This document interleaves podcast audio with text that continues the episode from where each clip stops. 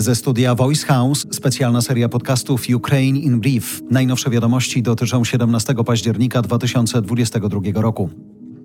Nad Kijów nadleciało nad ranem w poniedziałek 28 dronów kamikadze. 23 zostały zestrzelone. Zginęły co najmniej 4 osoby.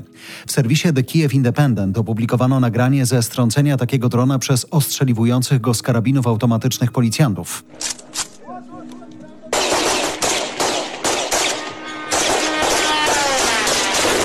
Atakowane były także Dmitrywka, Charków, Mikołajów, Odessa i Zaporoże. Obiekty infrastruktury energetycznej uderzano także w obwodach Dniepropietrowskim i Sumskim. Większość dronów i część rakiet zestrzelono. Rosjanie chwalą się, że wszystkie wyznaczone przez nich cele zostały trafione.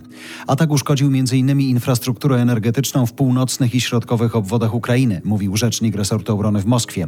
Kijów twierdzi, że sytuacja jest już pod kontrolą, a ekipy remontowe naprawiają uszkodzenia. Czasowe przerwy w dostawie energii elektrycznej mogą się jednak na Ukrainie pojawić.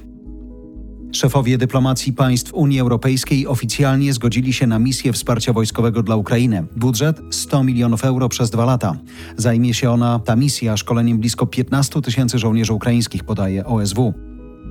Według ukraińskiego ministra obrony Rosja wykorzystała na Ukrainie ponad dwie trzecie swoich rakiet balistycznych i manewrujących.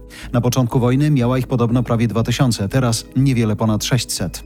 Rosjanom miało zostać jeszcze 300 irańskich dronów kamikadze. Rosjanie rozpoczęli ewakuację pracowników imienia administracji z Hersonia na Krym. Według sztabu generalnego Ukrainy kolaboranci donieśli Moskwie, że siły zbrojne Ukrainy rozpoczęły ofensywę na Hersoń i poprosili o pomoc w ucieczce. Generalnie, jak zauważają eksperci Ośrodka Studiów Wschodnich, zarówno w rosyjskich, jak i ukraińskich przekazach coraz więcej jest informacji o nowych, intensywnych dniach lub nawet tygodniach wojny. Najważniejszym wydarzeniem ma być odzyskanie Hersonia i wyparcie wojsk Rosji z prawego brzegu Dniepru. 7 milionów 75 tysięcy osób z Ukrainy przekroczyło od początku wojny granicę z Polską. To oficjalne, najnowsze dane Straży Granicznej. W tym czasie 5 milionów 300 tysięcy osób wróciło na Ukrainę. To było Ukraine in Brief od Voice House. Kierownictwo produkcji Dorota Żurkowska. Redakcja Agnieszka Szypielewicz. Dystrybucja Olga Michałowska. Dźwięk Kamil Sołdacki. Redaktor naczelny Voice House Jarosław Kuźniar.